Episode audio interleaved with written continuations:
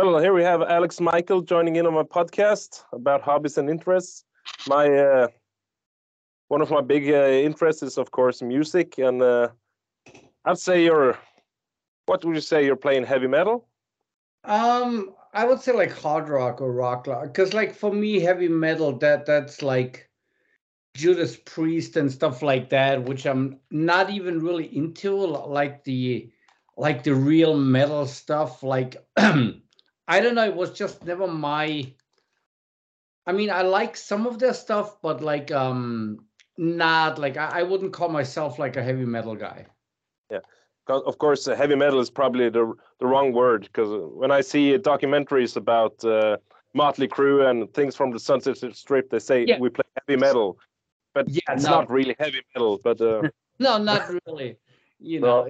just like and I mean, like especially in the '80s, I think like the terms got so mixed up and you know like um you know like how, how can you compare like like iron maiden to david lee roth or poison or you know something yeah. like that. that that that's just like i don't think that really goes together yeah let's start off uh where do you uh, you live in germany where in germany do you live i live like well, like 20 minutes outside of munich. Yeah and you're born in munich? Yeah, I was born in Munich, and then like I was just like always like looking for a place where it's comfortable to live, and you know the last like twenty years, like also had to make sure like that there's like um somewhere like at least like one or two like safe garages, you know, so I can put my cars there. Yeah, it's like in Munich in the city direct, it's an absolute nightmare. Like I, I will never and I'm not a big fan of you know like living in the middle of the city like unless you're like someone that needs to go out like every evening or like you work in the city or something then I can understand it. But then on the other hand it's also it's like so ridiculously expensive in the city. Yeah. Everything costs like twice as much and it's only like, like by car it takes me like 20 minutes to get into the city. So it's like no to save you know like that that amount of money just for like 20 minutes of driving it's like okay you know. Is there any is it possible to take the train or a bus or something like that or uh, well, you could take like a train but like I, I just always go by car because like i only live like like five minutes away from the highway and then i just go on and like drive to munich so and, and and lucky enough like it's one of those highways where there's actually never really any like bad traffic because there's a few of them that go to munich where the traffic is always a, a, nightmare you know and like thank god like not on this one. It's yeah. always pretty quiet. So when did music start for you? What uh, what was when were you you were young what uh, music would you listen to and uh, i would say I, I was about like three or four years old, and my aunt, um, she gave my dad like an Elvis Presley record, like Life at Madison Square Garden, and my dad didn't even like it. And I listened to it, and I was like, "What is that?" And from that day on, I was like into music.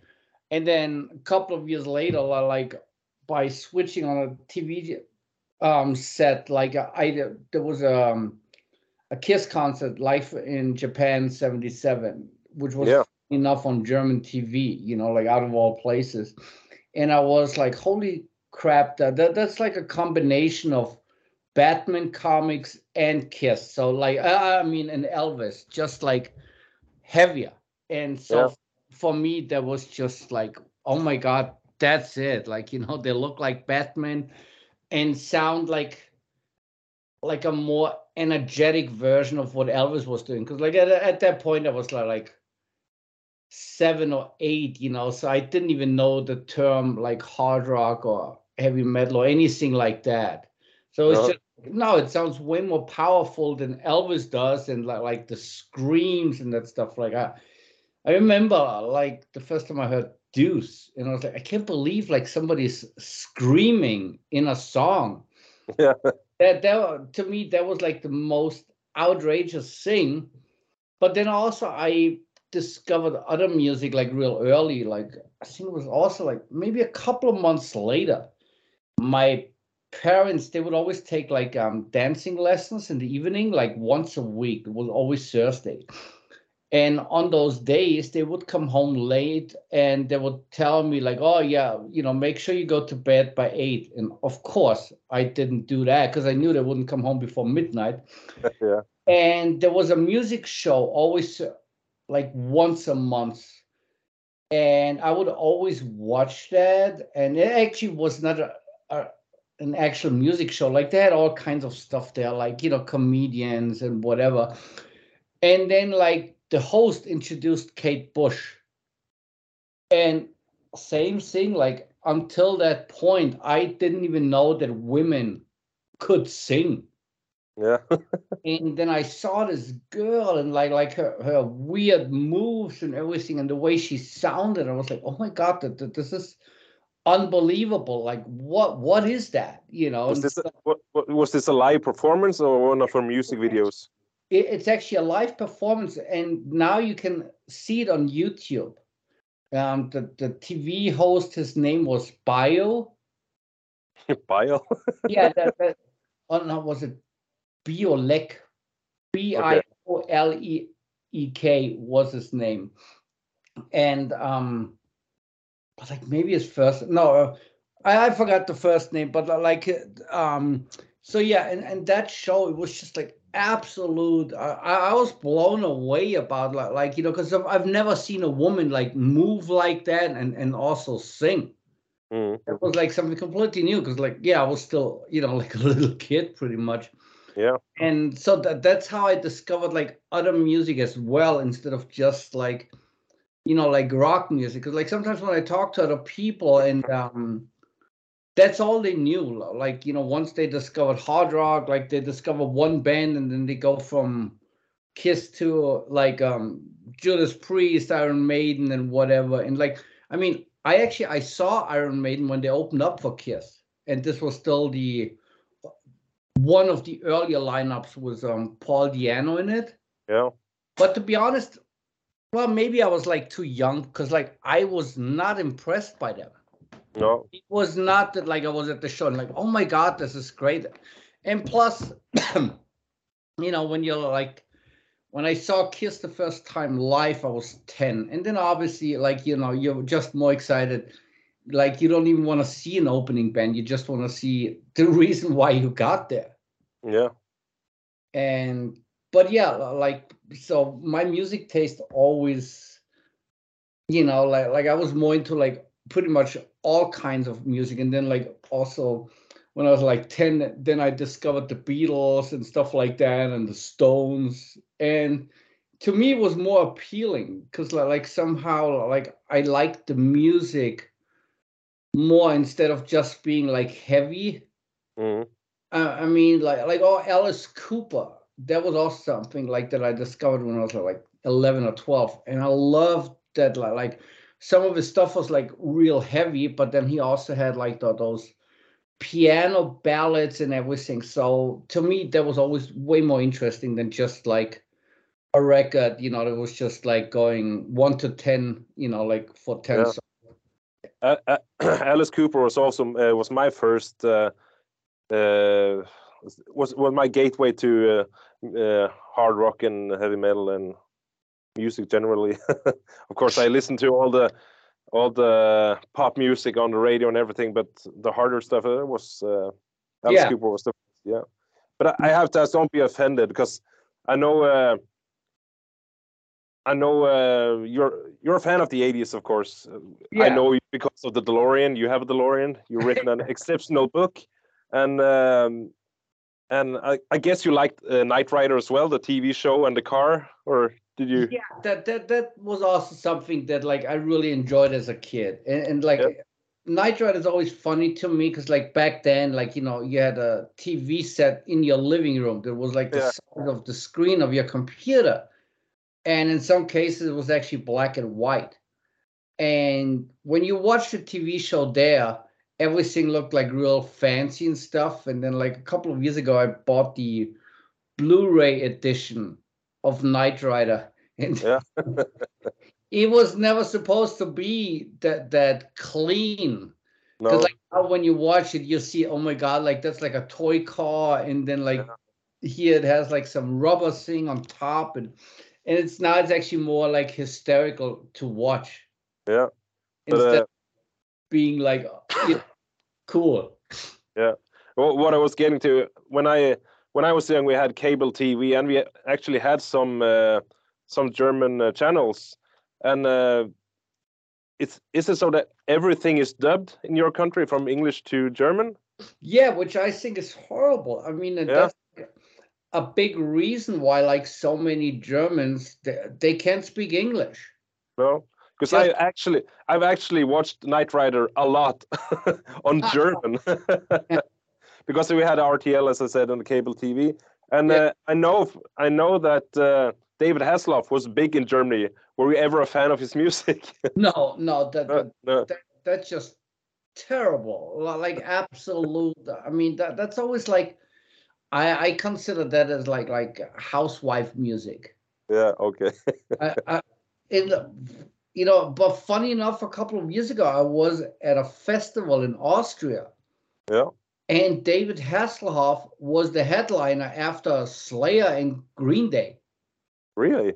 Yeah, it was absolutely insane. It was, it- it's called Nova Rock, and the show was like forgot the year, but it was a couple of years ago. If you Google it, like David Hasselhoff, Green Day, Slayer, you'll find it. And and it was just like absolute in bizarre. Like you know, first you see those people like bang their heads with like Slayer and whatever else, and then like two hundred thousand people are singing along with David Hasselhoff. Yeah. then like he was huge here in Europe. I mean, like I remember this was like in '89 or something where he was doing a, a tour like through Germany. And like it was pretty much like he was playing in Munich, and then the next show was Nuremberg, and so on. So like the driving distance between the shows was like maybe like an hour, hour and a Really? half. And each show had like like at least like ten thousand people there. Hmm. So that that's I mean that that is a pre- pretty you know impressive number. But then like how many housewives do you have? You know, so like do the match. Yeah. We. I went a little off track. we can get back to your your uh, upbringing with. Uh, we talked about Alice Cooper and what was next in store. Uh, where did you evolve from? Then I discovered Girl School, and there was actually a funny story about that because like, um, and what there's actually the it, it was like I I also saw them on TV. So next day, I called my grandmother because I was sick in during that week, and I told her like, "Look, there's this record by a band called Girl School. Can you get it for me when you come by?" And she was like, "Yeah, okay." But like she doesn't speak English, so I had to spell the name for her. You know, like how do you write Girl School?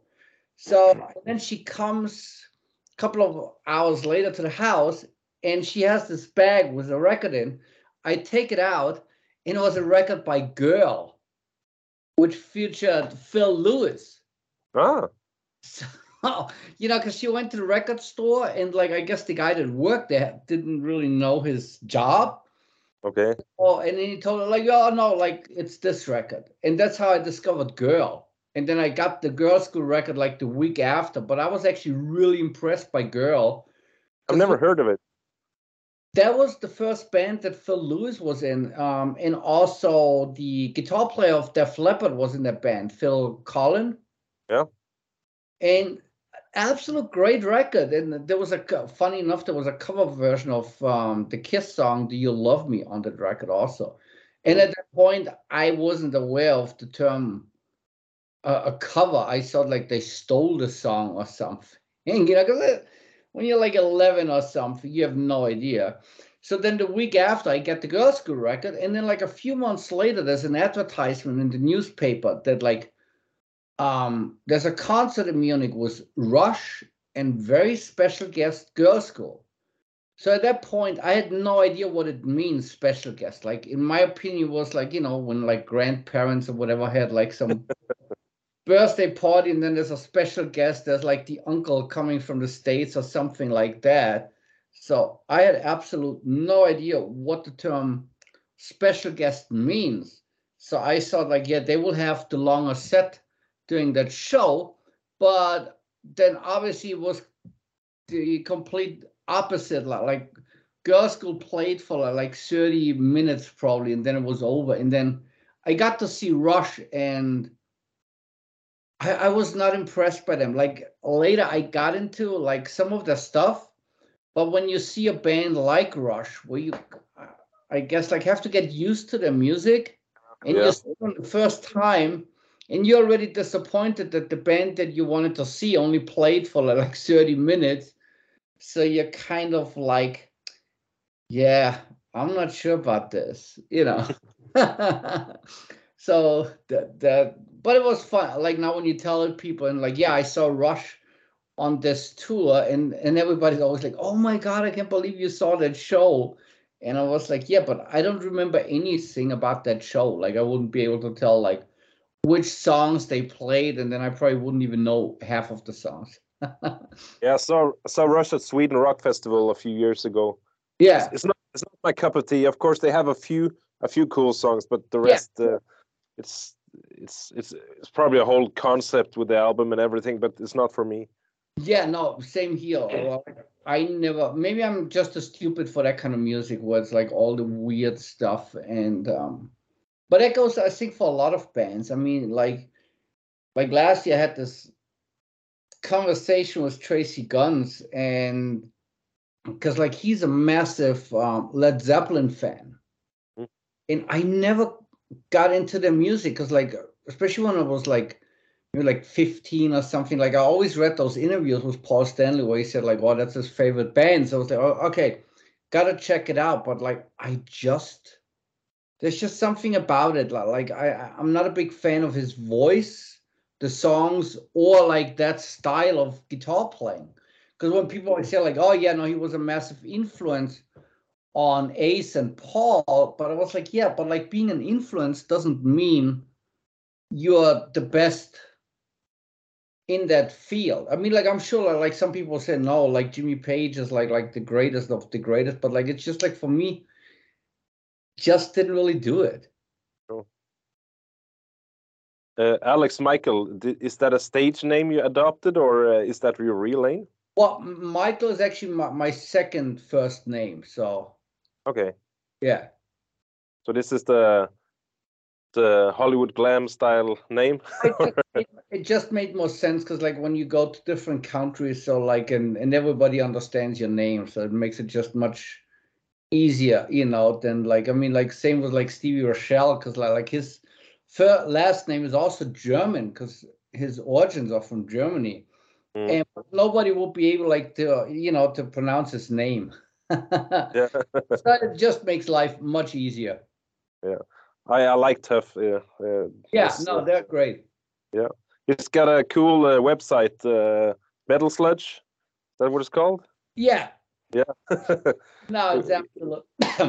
and like he always posts everything first. I mean, like just uh, like you know, two days ago when Steve, when we all got the news that um, Steve Riley passed away, which yeah. was absolute terrible. I mean, like I knew the guy, like he played on on our second record, and, and he was always like a super nice guy and like uh, and a great drummer also.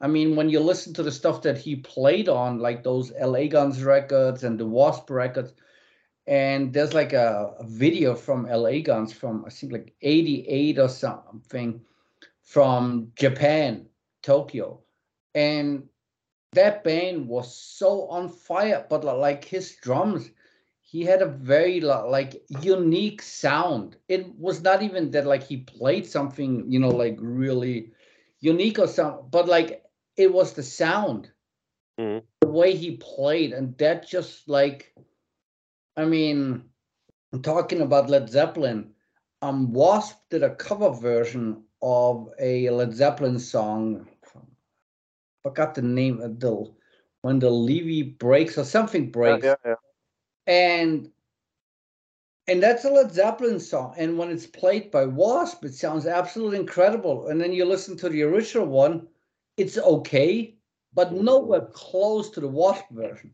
That's always mm-hmm. make that joke like Led Zeppelin would have been a great band if whoever wrote the songs would have written them and then just have them performed by Wasp. Mm. and yeah, no, definitely. So when uh, when did you pick up an instrument? It's always been bass guitar, or no? Um, when I was ten, we had this option in school, like an afternoon, like you know, music lessons thing. So I went there, but the problem was like the guy who was the teacher was like this absolute like idiot because within a, more than a year, all I was able to play was like a few German folk songs. So, and then I was like, uh, then he asked "Oh, you don't seem motivated at all." I was like, "Well, because I hate this kind of music, this German Uftata music and whatever." And he was like, "So, what do you want to play?" And I told him, like, you know, like something by Kiss or maybe the Beatles. And then he said something in like oh that's not possible because like the people that recorded the records before they're even allowed into a studio they have to study music for like you know and have a diploma but i knew because my cousin at the time he went to college and he started college when he was like 18 and he said something it will take him like six or eight years until he has like all mm. the diplomas and stuff and, and then i told him like I, I said like I think you have the wrong kind of information because like if Ringo was like 18 or 19 or like most of the Beatles were like barely 18. The same goes for Kiss when they did the first record. So how was it possible for them to study for a couple of years before they go into the studio? And then he made like a remark and sent me to the principal and wrote a letter to my parents that like like I tried to confront him and I was just like, "What? Well, that's just the truth."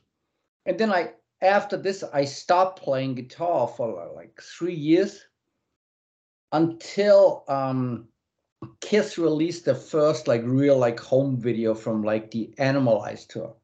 Mm-hmm. So I mm-hmm. got that video and I look at it, you know, on TV and and I'm like, "Holy shit! You can actually see what they're doing." Mm-hmm. And I mm-hmm. just took a piece of paper and wrote down, okay, that that's the second string, so that's the A string, and this finger is on the fifth fret, and this one is on the seventh. And then you just start to move. Wow, this works. And then I just started to go through the video and within like maybe like three or four weeks, I was able to play every song in that video except for for the guitar solos, obviously. Yeah. And but like like all the rhythm stuff, because it was just like I was like, man, this is so fucking easy. Like, why did we have to play the, the, this crap and like hear those weird stories about studying and everything? And then I started to teach myself, you know, was like rock stuff because like somehow I was able to hear the stuff that they were playing, and then I started to buy those American rock magazines like Guitar Player, where they had the tabs for some of you know like acoustic songs, like um, what was Poison Every Rose, for example, and a bunch of other songs like that. So I was like, okay, now let's try figure out like how to play on an acoustic guitar, and it just started to work and that's pretty much all i was doing. Like i went to school came home and then i was just like playing guitar listening to records and trying to figure out what is this and what is that. And then at one point i was like around like 18 or something. So i went to a, like a club and this guy also was like long black hair comes up to me and it's like well can you play bass and I was like, no, I, I can play guitar. And he was like, well, if you can play guitar, then you can play bass. Um, do you want to be in a band? I was like, yeah, sure. Um, well, let's try it out. I was like, but I don't have, I don't even have a bass. He was like, yeah, don't worry. Like I have one at the rehearsal space. There's like a bass laying down the, floor, you know, so just use that. So I went there and tried it out and was like, okay, the, I, I can do this, but like the band was horrible. Like, and it was just like, okay, yeah, but like, no, I'm not joining this thing. But I already had like when I was like for like 17 or something, because uh, pretty much like a few months after I started to play guitar, I was like, okay, now I have to learn to write songs because like just playing songs doesn't make any. To me, that didn't make any sense. Like you have to write your own material because like otherwise you won't be in a band or anything. And then I was thinking, okay, like if I put a band together, what would be the best? What would be like the coolest name for a band? And I had a, I think it was a Hustler magazine, uh, well, something like that. And on the last page, there was this photo of the, this pretty much like yeah naked chick and she had a and on top it said it's time to get shameless. And i was like shameless? Fuck that, that that that's brilliant. And i was like okay no i gotta call the band shameless. So and then like after i had this um jam session with the other guy i was like no now i want to really form a band and let's call it shameless. And then i found the other three guys. You know one was actually from my school and the other one was a friend of a friend and then we found a singer in a in a town like like an hour outside of munich. What year was this? This was 88 or 89 89 because i already had a driver's license. Yeah. Because i was like the only actually i was the only guy in the band that had a driver's license and i had a vw car um and I would always have to pick up the other guys when we go to rehearsal. And at one point, I bought one of those BC Rich Ironbird basses. And the bass was so huge that we had to tell the drummer, look, you don't fit into the car. and, and then at one point, we figured it out like the bass had to be on the passenger seat because the case was so big. And the other three guys had to sit on the uh, on the back seat. So yeah. everybody and the bass would fit into the car. it's like sometimes with bass guitars, it's like, I mean, I just went to this guitar tech that actually has this place like two minutes away from my house, but like he builds guitars. And I have this really old, like flying V bass from a, a German company called Heuer. Mm-hmm. Which I think the Scorpions and Accept used his instruments in the 70s.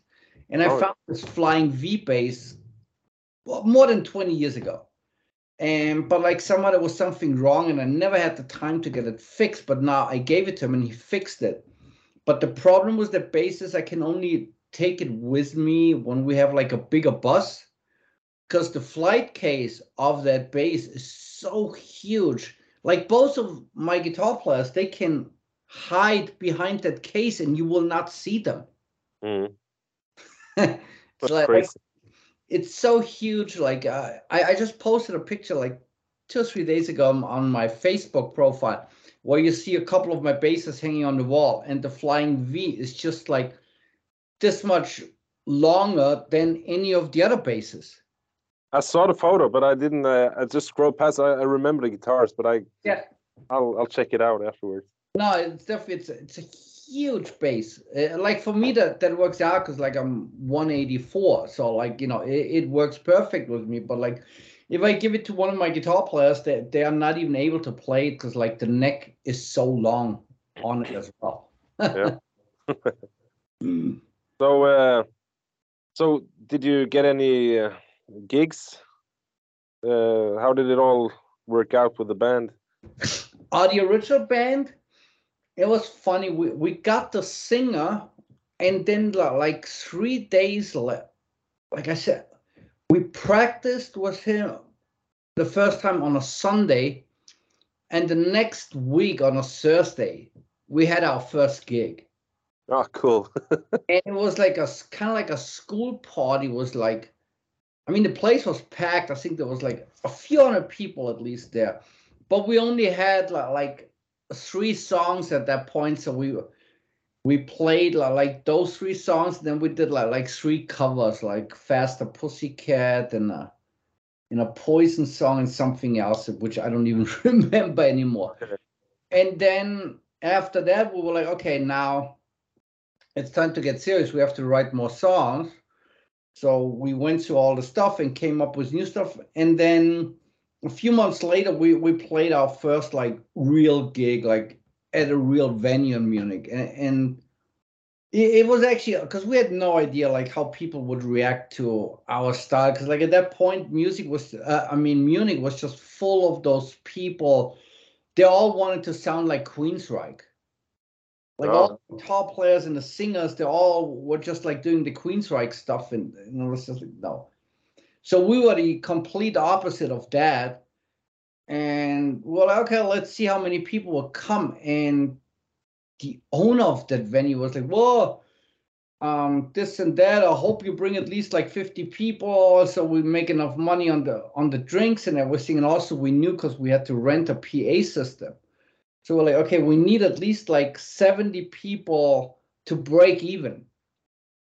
So, and then at some point after sound check, we started to get ready and put our clothes on and makeup and everything.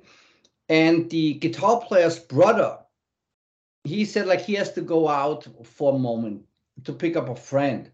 Like, okay, yeah, have a look if there's any people there. So, and he goes out and doesn't come back. I'm like, what the hell is he? so after like like 40 minutes or something, he's back and we're like, where the hell have you been? And he was like, well, the, even the, the, the street is full with people and the club is full. And we're like, yeah, yeah, funny joke. It's like, well, look outside at the curtain or look outside like on the dressing room when you left it and went outside, you would see the line of people outside of the place. And we're like, holy shit, that this is insane. And then like a couple of minutes later, like the club owner comes in and says, like, I don't know what you guys did, but like we have to send people away, otherwise we get, you know, we get in so much trouble with the fire marshals because the place is sold out and they never had a sold out show at that place. Just shows they were starving for real music. Exactly. It was absolutely. even we, uh, I mean, now when I, you know, like those the old version. I mean, we were terrible. I mean, like, well, we had a German singer trying to sing like our kind of music, and that that just does not work. No. rest is okay, you know, but but like having Germans um, sing that kind of music is just like no, it, it, it just doesn't work. Mm-hmm. yeah. So what happened afterwards? eventually, you you got over to the US. But uh what before like the, the, the singer like he got some girl pregnant and then like he he started to work in a factory outside of Munich and then like the drummer was always kind of like irresponsible. So like pretty much the band folded like because we did a couple of shows after that. And, and all the shows were always packed. But then like you know like internal crap was going on. So like and then I was just like doing some other, you know, like I tried to play with some other people for a couple of years, but it was never my thing. And then plus like the whole grunge thing happened, and it was just like there's no point for me like to do anything because I don't want to play grunge or whatever to be trendy and cut my hair. I was like, no. But then um a couple of years later, I I, I heard about like that that in the states like like Poison that they were back together and they did this insane like massive huge tour. I think it was like poison and a couple of other bands. I think like cinderella or red something like that.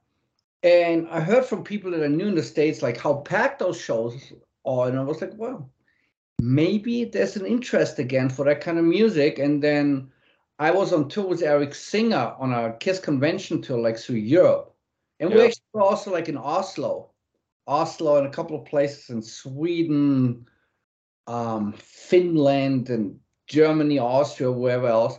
And then we talked about music. And then after he heard some of my stuff, he was like, you know, you got to do this with like real people. Let's do this in the States. And then we just went through the list because he was like, well, who would you want to be on the record? Because like it was never even planned to be a full band again. It was just like, okay, let's do this record, so it's cool, like to do it.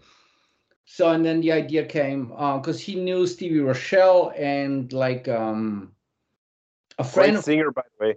yeah, no, he's definitely amazing. And then like a friend of his also knew Steve Summers from Pretty Boy Floyd, and I was like, yeah, that, that's the guys I want to have on. And Eric was like, yeah, no, let me play drums on a couple of songs, and then we got um Robert Sweet and Brian Tichy who did the rest of the songs, and that's just how it happened. And then like like that first record got so much interest, like because like I released it on my own, and like the mail order places which still existed at that point like they were ordering the records like crazy like there was you know like pretty much like every couple of days like one place in Germany, oh, I need another hundred, and then this mail place, well, I need more. than like a company in the states, um, Perris Records, they were like, oh yeah, no, send me a hundred, and then he advertised it in his newsletters. I mean, this was before internet, you know, like he was sending out mailing lists,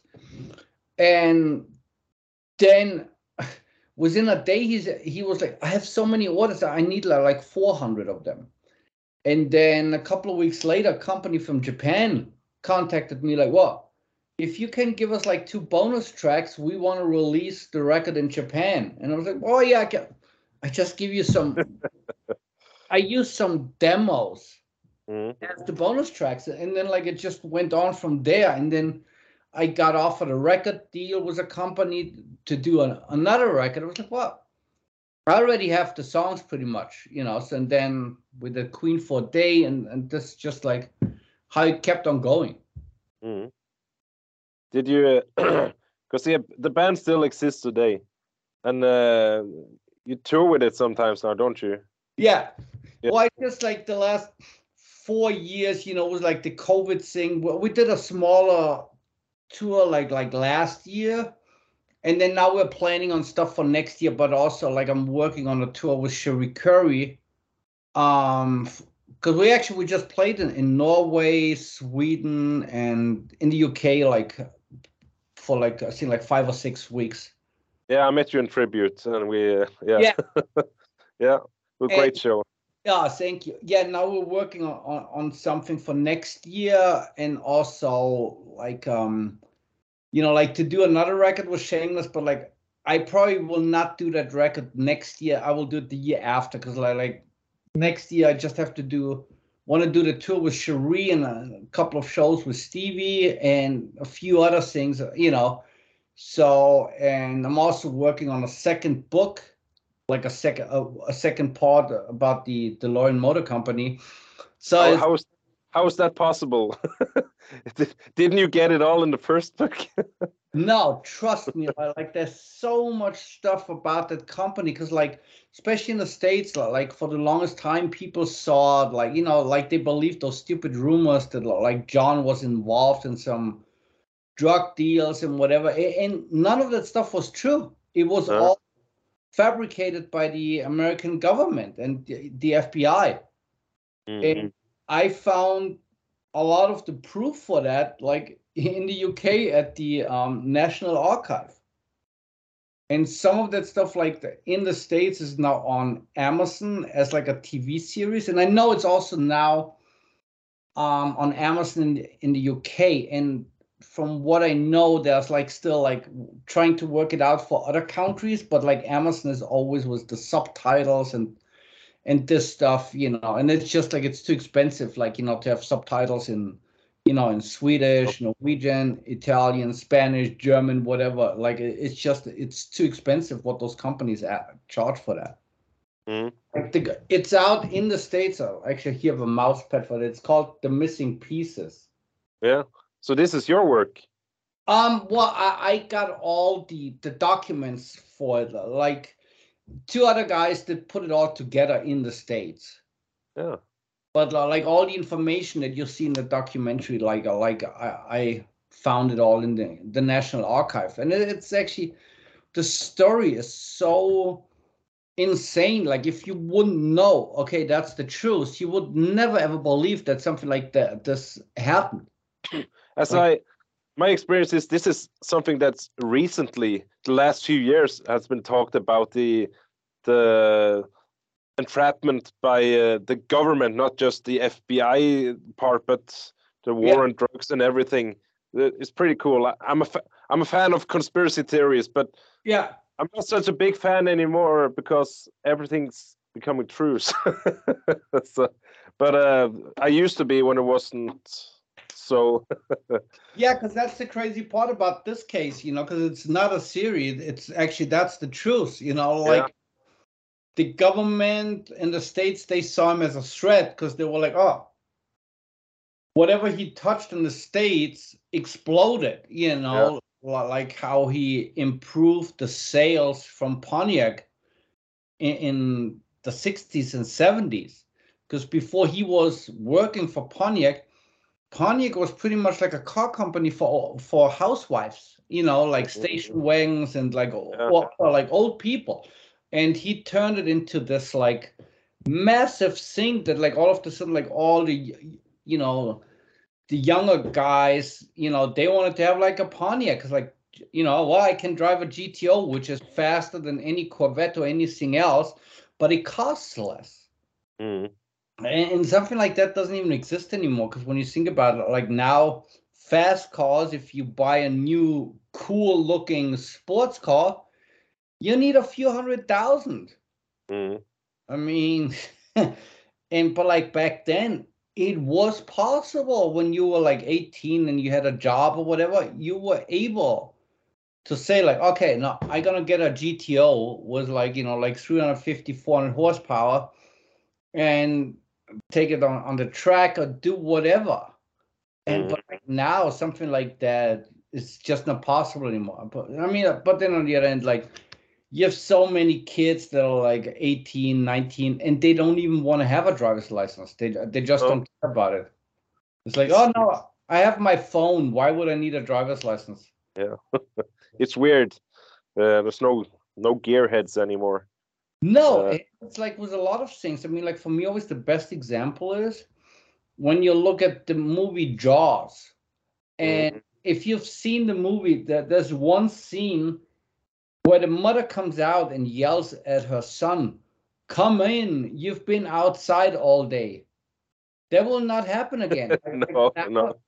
Everybody's just like at home and looking into their phone or whatever. Like people that they yeah that they just rather sit at home and look at their phone instead of like going out. Mm, exactly. Mm. But uh, also on a, with the the DeLorean stuff, uh, him being uh, him being uh, well, he wasn't charged, but they arrested him. Of course, it didn't hurt them getting a big name. No, and also the the fucked up thing in the states is like like let's say like you get arrested here in Germany and like you go to court and then they find out what well, he didn't do it you don't have to pay any legal fees. Like they have to pay for your lawyer and everything. But in the States, they have that system. If somebody sues you for like, oh, you killed someone, mm-hmm. and then you prove, no, I was not guilty, but you still have to pay all the legal fees. So you're bankrupt afterwards. Mm. And a lot of people, like, you know, like that end up in jail, it's, uh, they, they cannot even afford a lawyer you know, to go back to court. And that's such a fucked up thing. And that pretty much what destroyed his life. Because, like, you know, like if you have legal fees of a few million dollars, I mean, like, how the hell are you supposed to pay for that? Mm. But uh, what's funny with the, the DeLorean is I knew a lot about the DeLorean from many years ago. I've always been interested in the DeLorean. And, uh, but most of the information, the good stuff, is yeah. come out now.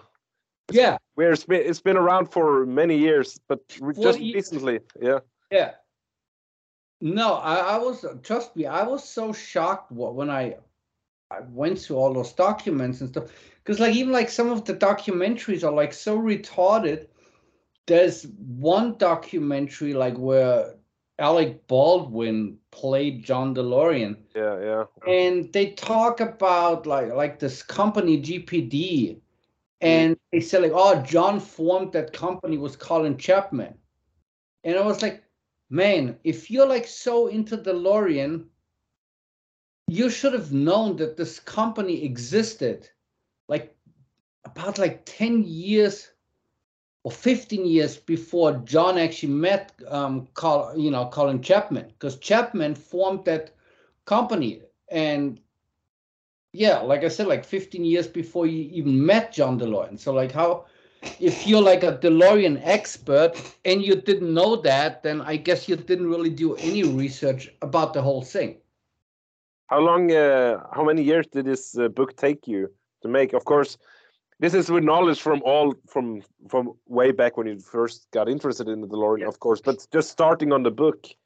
The book itself was actually done pretty fast. I think it took me like a year to put it all together because like I had the information and everything in the documents was in a really short time period and then like um so yeah probably took uh, took like a year or something and then like covid actually helped because like I was at the National Archive the week before everything closed down. And then I was locked by myself, you know, for like a couple of weeks. And I was just able like to go through the stuff day and night. And that's what I was pretty much doing, like day and night, like go through all the stuff and oh, there's this and that. and so that made it real easy, you know, to put it all together pretty fast.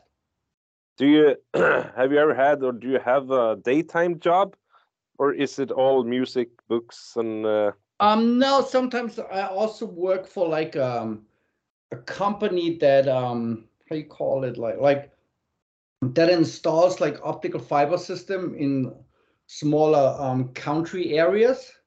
Okay and then sometimes you know and then like if there's like a new area and then i do some of the the marketing stuff then you know mm-hmm. and give the information to the the german farmers that don't know that you need internet which is always like hysterical. Yeah yeah how, that, how long have you had this job? Well i've been doing it on and off for like like 10 years. Mm-hmm because like i mean i used to have like regular like day you know daytime jobs but like i just at one point i, I realized i cannot work for someone else. Like I, I have to be my own boss and so like okay i have time to work here or or there. And then like when i'm going somewhere that's when i'm just not there. Mm-hmm. i see uh your bat Batmobile. I oh, saw, yeah. I saw I saw you bought it earlier. It's a big car. It's so fucking huge, like it barely fits into that shelf. Yeah, it's awesome. I want one for myself. Yeah, the, I didn't even know about them until uh, like I think it was like, like February or something, and at that point they were already sold out. But um, you still had the chance to register the page just in case somebody wouldn't pay or whatever. And then so I registered, and then a couple of weeks later, um, I got the email that like, oh, we have an extra one available if I want it. And I was like, fuck yeah. yeah.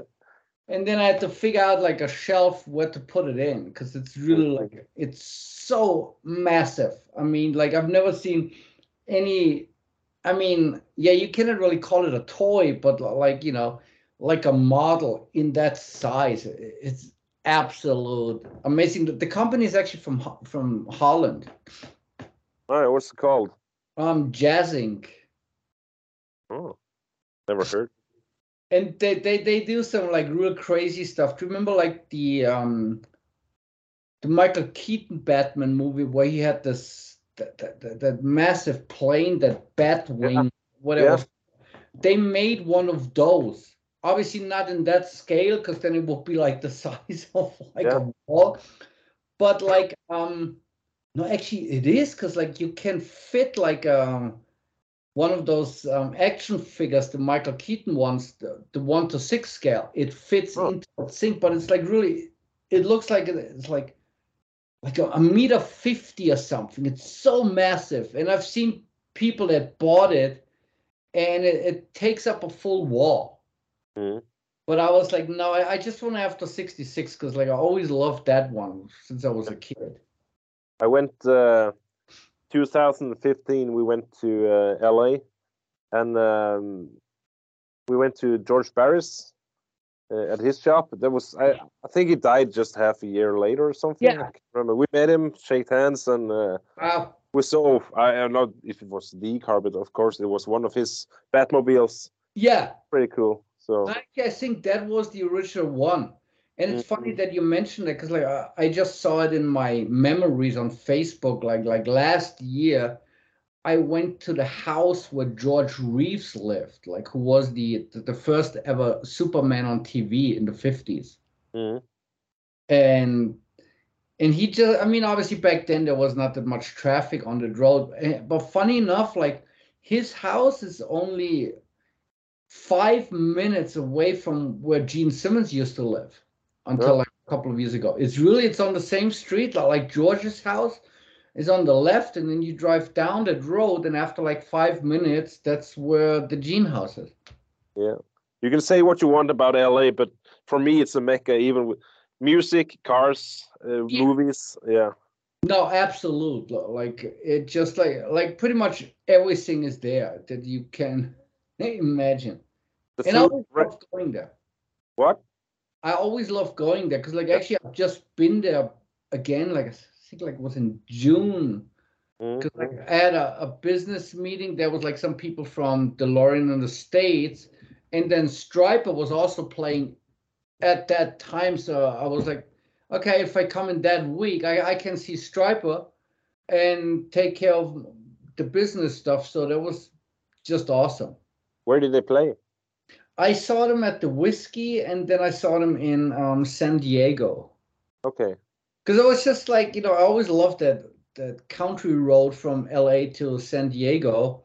So I was like, okay, this is perfect. Just gonna rent a convertible and then drive down the coast and see them there. And the amazing thing is like, how many people they actually still draw.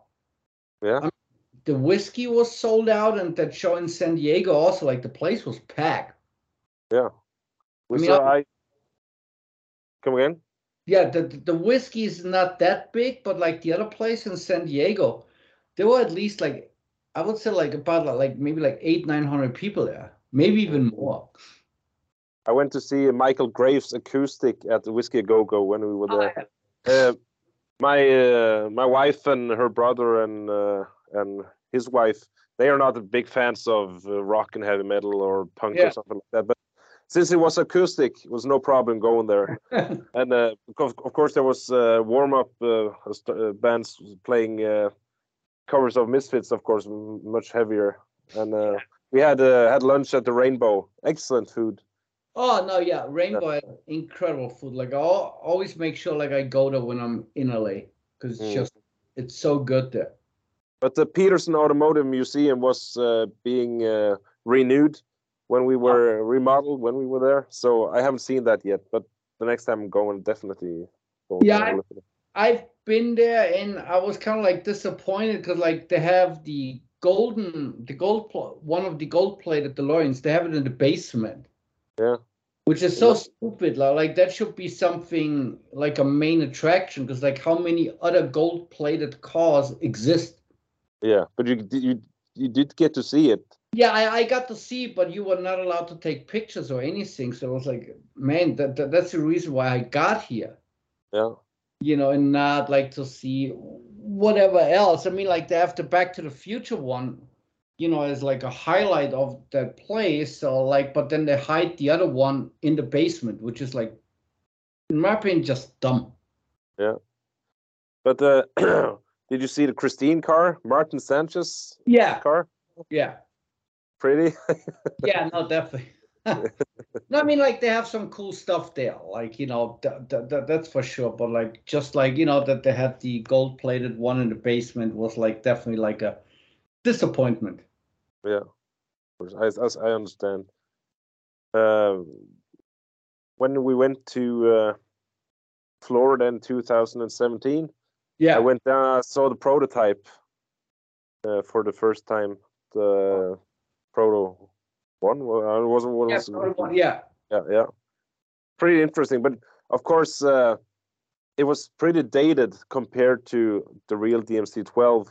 Yeah. Oh, absolute and and like I remember like Bill Collins like there was one documentary where he was complaining about like oh the it should have had like a brown interior and I cannot agree with that because like brown interior like that's just like a scene from the 70s Yeah. and DeLorean looked so futuristic and to have a brown interior in a car like that that, that that's like buying a Tesla that has like an eight track tape in it. yeah. it's just like, in my opinion, just like, no, it doesn't go together. Mm. Have you ever been to? Uh, did you ever go to uh, Eurofest? No, like the last time, uh, which was like, I think like 2016 or something, I, I was like on tour. And then like it was supposed to be in 21, but then because of COVID, it got canceled. So hopefully Mm.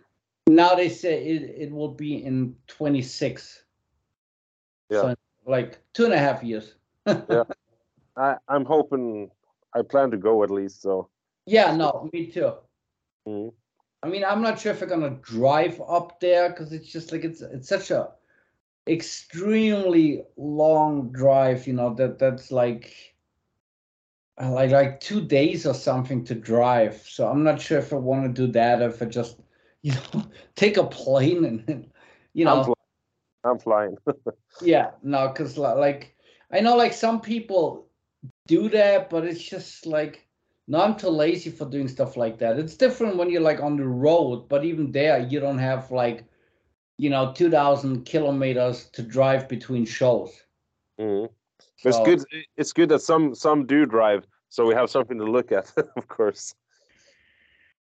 No, obviously, definitely. Like if you live in the UK, then obviously it's easy because you you it's not that far to drive, and you take the car on the ferry over to Northern Ireland. So so that makes sense. But like to drive from Germany or something like that's like no, it's definitely it's too much work.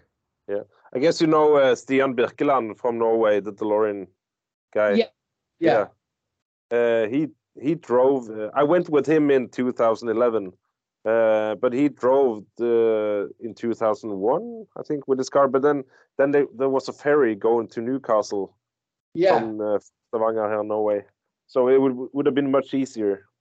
Yeah, because so many of the ferries um, disappeared the last 10 years. Yeah. Because there was also one from like, like somewhere on the last tour that I did with Cherie, there was also, I forgot which one it was, but like that ferry doesn't exist anymore. And I remember like taking that like in, in, in 2000 or 99, something like that. But because of like whatever rules and this and that, they were like, no, doesn't exist anymore. Yeah. Going back to Shameless, um, was there any touring with all these uh, famous uh, musicians, But yeah, or well, was it just uh, one-off concerts or anything? Or well, we did a tour with Bruce Kulick in um in 2000, and then but like it's always uh, like four or five people, you know, when, when we do the tours. Mhm. And because it's just like you know like especially in today's world where there's just like the market is not how it used to be. I mean and the, even like just like with merch sales i mean because like now people don't buy cds anymore uh, which is kind of like I, I mean i understand it because like look if you buy a new car it doesn't have a cd player or anything in it No. anymore but like you know like even like, like 10 years ago like every car had a cd player and before that it had the obviously you know the cassette player whatever but now it's just like no you plug in your phone and it's just like if you don't even have like an an you know like a device where you can put the CDs in why even bother to buy them Mhm. That's the yeah uh, you know like the curse of technology. As as cool as it is like you know to have your spotify and whatever streaming service but also i, I think it takes away a lot of you know like buying a record. Because like when you bought for example vinyl you Mm. also had the artwork like this massive you know piece of art. And now when you look on your phone i mean hold on if you look on on Spotify, for example, look how tiny Yeah. the cover. Like I mean, like it's pretty much impossible to figure out what is actually on that artwork. Like I'm not able to tell. Ma- Many people bought the records just because of the artwork and were either fascin- fascinated or disgusted by the music.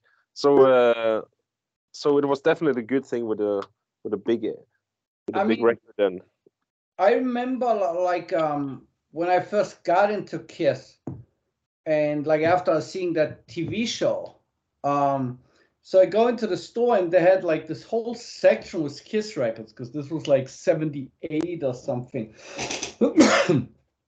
and it took me like an hour to just to look at all the records and like oh my god oh okay this one only has like a one of the guys on the record and, and this and that and then the first record I bought was Alive II because you open it up and it has this picture of them on stage in flames. And I was like, this is the most unbelievable thing I've ever seen. And Mm. I still say that, like, that image, that is impossible to top. I mean, like, yeah, sure, you have Rammstein or whatever, that, but there's nothing special about that. You can always have something and oh, let's make it bigger, let's make it bigger because obviously technology also changed a lot. But like to be the first to do something like that, I mean, like when you look at like some of those like rock books and the history of rock, and you see how bands performed before Kiss was there. I mean, yeah, sure, Alice Cooper had something kind of like that, but not that extreme no, you know, with all the explosions and this, and also like, yeah, I mean, some of Alice's stuff was way more mellow than Kiss. You know, it was like all, yeah, like all the explosions and the flying around and this and that. You know, do you And- like Rammstein? Do you like Rammstein? no, I never did. Like, I hate the the the the, the, the singing style. Yeah. because like he- I know like some people get offended by that, but like to me it always sounds like like like, uh, like Hitler's trying to sing, like with that weird accent and everything, and it's and then like the titles about hate and this and that, and, and it's just like But the whole industrial scene rubbed us uh, hair metal guys the wrong way. Of course, when I remember when Faster Pussycat, they even played industrial sets, and people were oh my god, yeah. Yeah. God, that, that was so terrible. Yeah, that, that was like no, no, no, no, no. That, that that just like didn't make any sense. Like they should have had like a different band name or something, which they did for a while when they were called the Newly Dead. But Mhm. like then when they did it as Fast Faster Pussycat, I was just like, no, this is just stupid. yeah, I love Fast- Faster Pussycat though, but uh, Oh, that, I mean, that was just wrong. yeah, no, that was just like there was the same thing with like um Shotgun Messiah, the the third record that was also like industrial, and then like Vince Neil had like a really bizarre solo record that carved carved in stone or whatever the title was. Mhm. It was just like you know, people say it was ahead of its time. It was like, yeah, but like you know, that, that that's like when people in fancy restaurants when they offer like fish with raspberries. It's just like it's still wrong. You know, you Yeah, don't mix fish and raspberries, and you don't mix Faster Pussycat with industrial music because that's just like no. did you did you ever live in LA during this uh, I time? got-? I've been there like so much. I mean, like, and I, I lived pretty much in New York for like like two or three years. I was Okay. like, a couple of weeks in New York, then I went back to Germany for a couple of weeks, and then back to New York, and you know, so Why New York? I was just because like I had a lot of friends there, and um, also I was dating uh how you call it? Well, you know, like she was a a, a dancer. Yeah. Okay, yeah. and a dancer that paid her bills with single dollar notes. That okay. no, and, and so um but LA, I mean like I always go there like whenever I have the time. But um yeah, never lived there. I guess you uh, did you making this book, did you go? Was it all during Corona or uh, the COVID time, or did you It go was- research something over in the states as well? A part of it was already before, but because of like you know internet and stuff, like I didn't even have to go places. Like it was just like all by emails and phone calls and Skype and whatever else. Like you, you know, just had the conversations online. Yeah, I heard your podcast with Dave Tavers, uh, I- and you, yeah, and you said um, you started importing stuff. Uh, you found because you bought these Kiss uh, Kiss figurines, was it? Yeah. Yeah, and, and uh, how, and thought, yeah, and how how how hard could it be importing a car? So you just did it.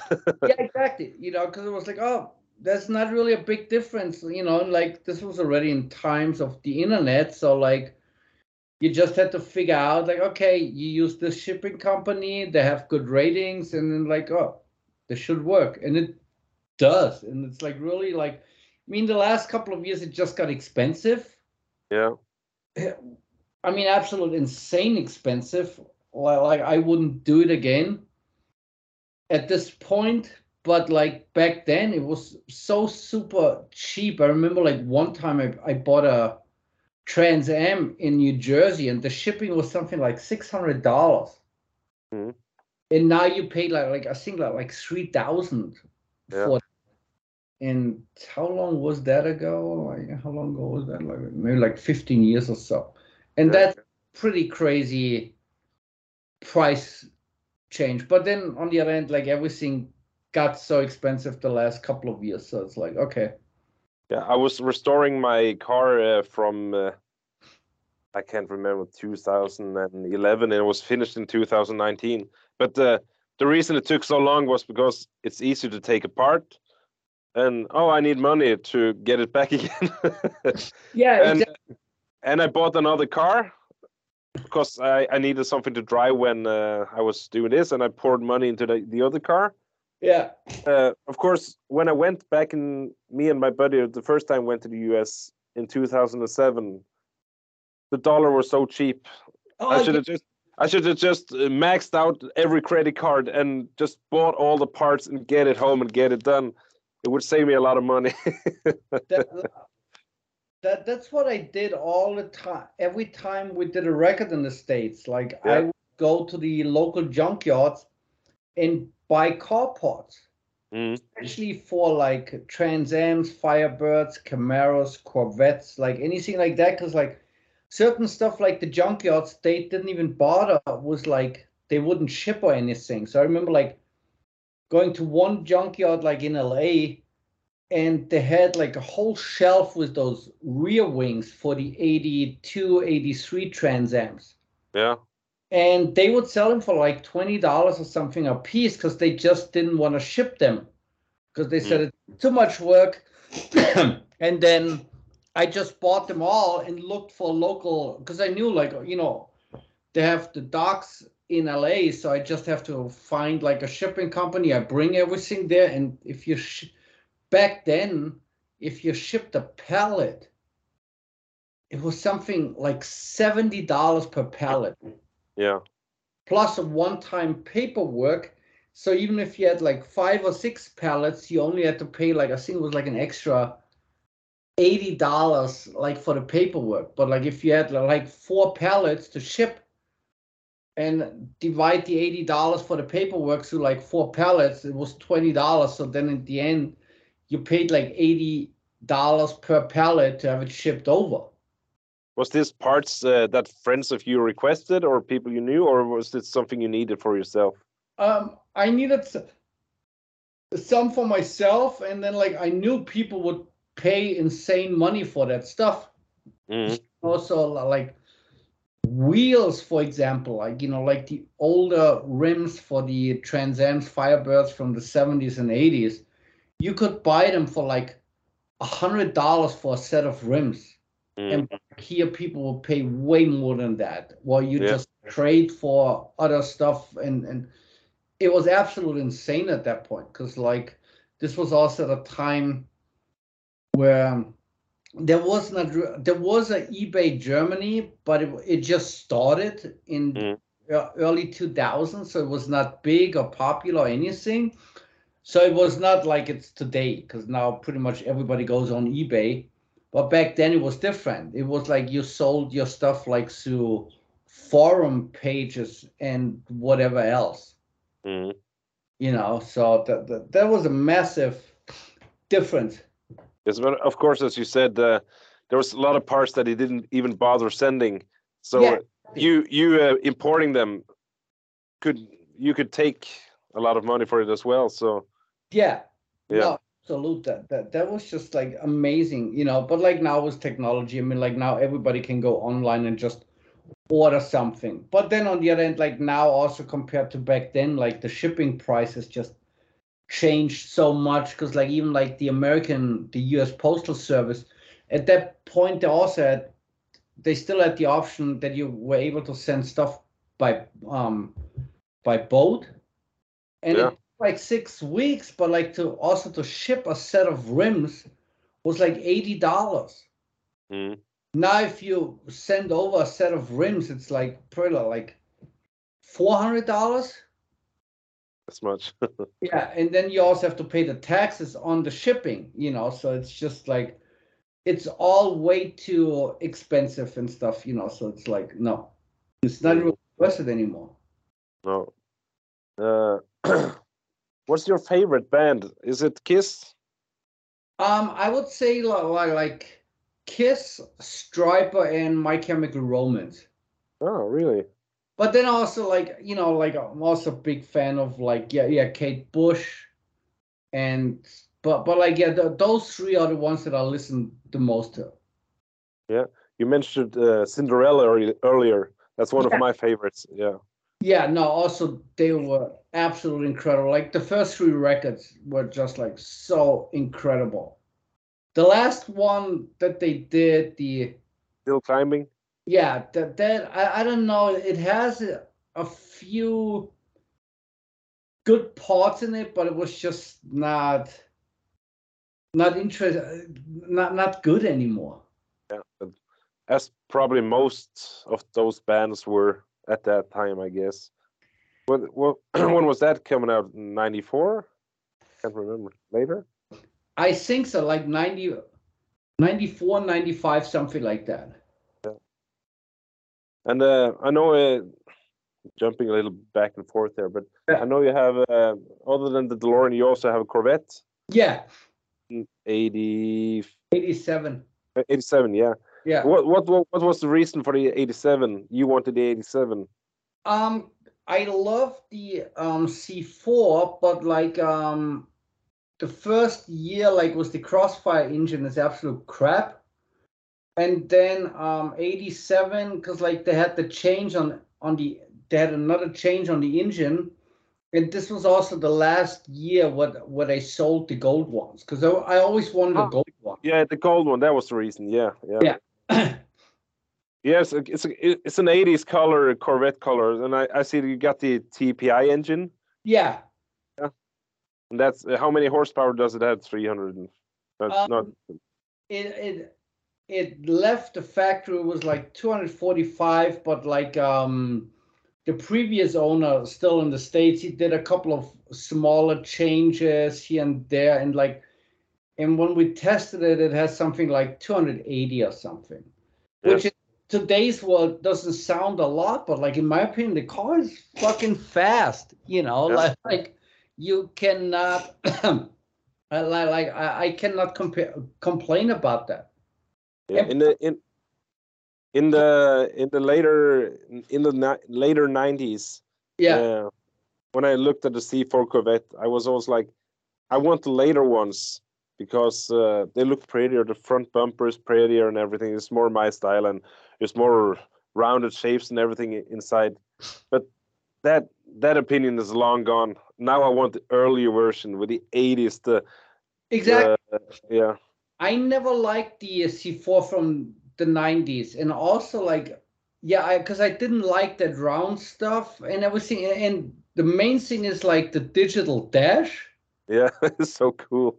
It looks like like a, like a computer game, and then also they messed something up with like like the computer for the car is underneath the water pump.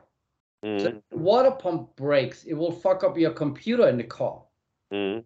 So that's like one of the dumbest changes possible. And also like the more electric stuff you have in the car, the more can go wrong.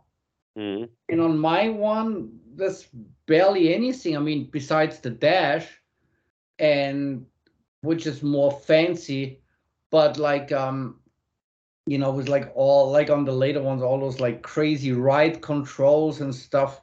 And you don't really need that. Like, like it's just a, f- a fun car, and I never had any problems with it. It just it always drives. It's always fast, you know. So and it looks cool. So. Yeah. I, I got this Corvette uh, book, big book about Corvettes. It's been a while since I read it, but what I've came, my conclusion was that if I were to have a C4, it would be probably around, around 89, something that would do with a gearbox or something like that. I can't remember really, but as I understood, you you only want automatics. Yeah. Yeah. Because also was like the C- C4 as an automatic, it's so fast. And Mhm. also like like the room, if you have shoe size 45, it's kind of like a nightmare to shift. okay. And it's like, you know, like, oh, you're more in control of the corners. We're like, yeah, no, but like if you drive it, it's it's just a great fun car. So like I don't need to test it to the limit or whatever. It's it's just a great fun car, you know, and that's all I want. Yeah. I was Especially in the What? states i always think it's such a joke when like some of the americans say oh this and that about speed and i'm like what the hell are you talking about you have all those ridiculous speed limits in the states if you're on a highway driving faster than like 90 you go to jail yeah. it's like why are you even talking about this and that and like oh what other kind of tuning you can do and it's like no especially in the states it's just a waste of time and me with the c4 i always drive it with the top down so and when you go at higher than a certain speed it's just not fun with the top down and then, like No. you, you're going like 200 and you feel uh, like you need earplugs or something, you know, because it's so loud. you say top down, but it's a it's a it's a removable hard Yeah. top. The T top. Uh, it's not a T. It's a targa roof, right? Yeah, targa roof. Yeah. Yeah. Yeah. And I was pretty impressed with the DeLorean. Actually, everybody was saying it was a pretty slow car. When I bought mine, uh, it was not so fast, but nothing. The fuel injection wasn't working at all, so it was slow. But uh, when I got everything sorted out and the car was restored and back together, I Yeah. was pretty. I was pretty impressed with its performance. But I- uh, of course, I uh, the, the exhaust is is a UK club exhaust. Oh yeah. I, Uh, yeah, it's not. Mhm. No, that, that that's also like you know, and I changed the computer from the automatic, and I think it goes pretty well. I mean, I, I was just driving it to a different city on, how was it like like on Friday? Yeah, it was two days ago, and drove it on the highway. And like the funny thing is just always when you drive on the highway in a DeLorean, like how people just move out of your way. Yeah. It's like nobody tries to pass you or anything. It's like like really like everybody's just like following you. Mhm. But I, I noticed it had it had its limitations because I usually drive the car alone. But I had a friend of mine who was is really big, sat next to me, and uh, it wasn't so torquey anymore. so uh, yeah, That that that's that's true. Like, uh, but then like uh, like the craziest car when it comes to stuff like that is like anything by Lotus from the 60s or 70s. It's like it's about weight. Yeah, oh, exactly. And like the seats and everything is so little. And it, but like they're just great fun cars. Mhm. Exactly. Yeah. the DeLorean is it's so uh, it's so relaxing driving it, cruising on the highway at 80, 80 kilometers per hour. Uh, I love it. Just Why- cruising by. A couple of weeks ago, I, I was like going on a trip to to visit my mom, and the highway that she lives at like it's also like pretty empty like if you go to like on a sunday or something and i tested and i drove it like for like for like an hour was like close to like, like 190 kilometers per hour mm-hmm. which is mm-hmm. like 120 miles or something and the car seemed to like really like that like it drove even better at that speed. It was not like, you know, like if you have like a C3 Corvette and when you drive faster than like 110 kilometers, you feel like, okay, I'm gonna die within the next like 40 seconds. Yeah.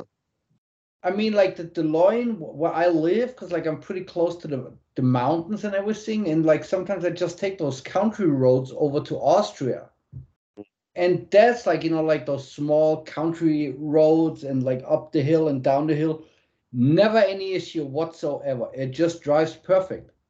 Yeah. We went to uh, when i was young and when i was th 13 years old 12 years old i think we went to we went on a bus trip to italy. We drove through germany and austria and through the alps and everything. It was pretty amazing. Beautiful. Yeah, yeah. Uh, you said um, as I understood, you you, you owned a Trans Am or a few back in the days, or a couple of them. Like I had a set. Hold on, let me think. I had a seventy-seven, a seventy-nine. I had an eighty. I had an eighty-two. I had two different 83s. I had an 84 and I had a 92, and then I had a 2001. Mm-hmm. I mean, the 2001 was an absolute beast because that was pretty much like a Corvette dressed as a Trans Am. Yeah, I've, I've my eyes are open for them uh, recently. The, as I as I as you say, I understand it's an absolute beast. It's a muscle car. Oh yeah, no, the, those late Trans Ams. I mean, they didn't look as cool as the early ones, but like no. still, absolute like amazing cars. Mm. I used to own a 79 Pontiac Trans Am, the automatic though. Uh, yeah. I guess all, all yours were automatics as well. Yeah, because like no, actually one of the the, the, the 82 Trans Am that was a manual, but like the clutch and everything was like an absolute nightmare. Yeah. Uh, like like I mean, I already didn't like manual like German cars, but like the Trans Am, fuck, that was terrible. Yeah.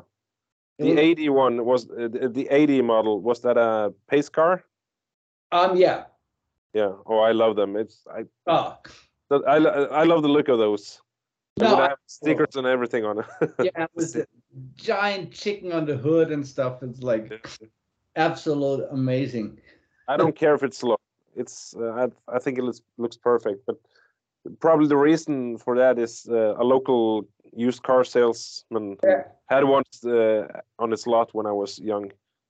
So uh, I'm probably uh, brainwashed due to that. I mean, funny enough, like, because like um, the 79 that I had, there was a formula, Firebird formula, and that mm-hmm. thing way faster than the 81 was. Yeah. Like that thing was like an absolute beast. I mean, like really, like you know, especially because it was that big and everything, and that, like you always felt like you know, like the street is moving or something. Yeah. I mean, obviously, I... not as fast as the later ones, but but like, you know, let's face it, where can you actually really drive that fast? I mean, like, well, God, you Norway, you have all those insane like speed limits pretty much everywhere. Also, you know, so. 80 60 80 60 40 80 60 60 70 so yeah you can't drive fast at all so no and it's like that that takes so much fun away because then when you always have to watch okay what's the speed limit here? What's there? And this and that. And then like all you do is focus on the speed limits. So it's not like oh let's go on the highway you know and enjoy it. No because you spend more time like focusing on the speed limits on that part and here and there. Yeah. I noticed, I noticed on my Trans Am the 79 model that, uh, of course, it had a, a, LA engine with 185 horsepower. Yeah. We bought, we bought headers for it and true dual exhaust. Of course, it had dual exhaust, but it was from the catalytic converter. Yeah. So we removed the catalytic converter and had a dual, true dual exhaust all the way back. and put in a free flow air filter and removed all the smog stuff. We had this big Yeah. giant smog pump in front. Yeah. I, I tried to take a burnout with the car before this. It was just stalling. It would, wouldn't happen at all. Yeah. When, uh, when I did did all this, and it was not. Aaron, we ain't talking about new heads or anything. Just let it breathe. Yeah. My God, did that car wake up?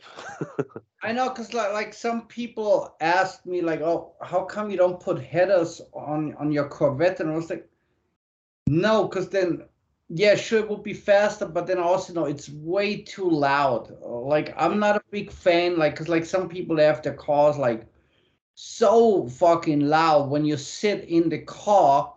After some time, you really start to get a headache from it. Mm, that's not enjoyable when it's pretty much impossible if you have a passenger with you and you cannot even talk to each other or you cannot listen to music or whatever. That, that that's just like then it's a little bit too much Yeah, a friend of mine had a Plymouth Duster, a 1972, with a 380, 318 engine in it. yeah Not fast or anything, but it had dual exhaust. Just went down uh, right underneath the front seats. oh, yeah no, that, that, so it, it, was loud. Oh, really cool. But we were driving this long three-hour trip to go to this uh, car meeting for the weekend. It was like, oh, this is cool. But after an hour, uh, this is too loud. But I, I miss that car though. It was fun times. yeah i mean like if I, if i would have more space or more money i probably would have kept all those cars but then like you also have the issue and i noticed from some people that have like six or seven cars that you just don't have the time anymore you know like to drive them and enjoy them so it's kind of like yeah Do you have? Uh, is there any car you're looking for to buy in the future? Um not really at this point like because like the ones i like like some of the lotus cars they're just too small for me so Mhm.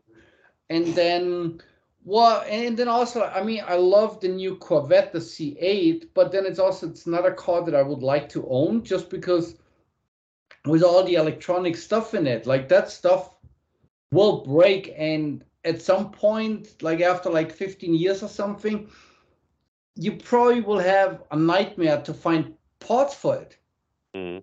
so and with the old cars, you always find someone that is able to repair it or whatever, you know. So like that's a big difference between like old and new cars. I was just watching this podcast with Jay Leno yesterday, where he also talks about that was like a that they showed an old um Bricklin car. Mhm. And where he says like, you know, like you can still buy the parts unless it's like body panels or something. But like you know, if there's something wrong with the engine or whatever, or brakes or whatever, like you just buy that stuff. And then yeah, try that was like a a C8 in like 15 years. No, it would be hard. So, uh, is there any new mu- new music you listen to these days? um, so not really like not the last couple of years. li- Like there was just not not anything that really grabs my attention. I mean, like obviously like the new Alice Cooper record, but that's not a, a new band. Oh, no, Road or what, what was it called? Road? No. Oh god, I actually forgot the title. I'm so terrible. Yeah, yeah.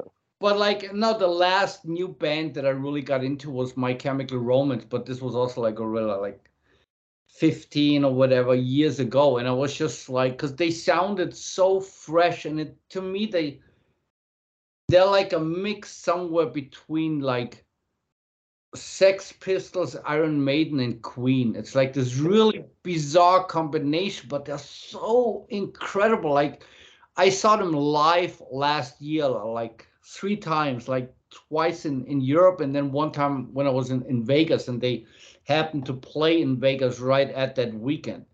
And they just like that, that they sound so incredible in their songs and everything. And and, and like everybody's doing like their guitar players they have this really unique style of playing but they're so good. I mean not not in the technical way of like you know how they judge like some guitar players from the 80s or whatever.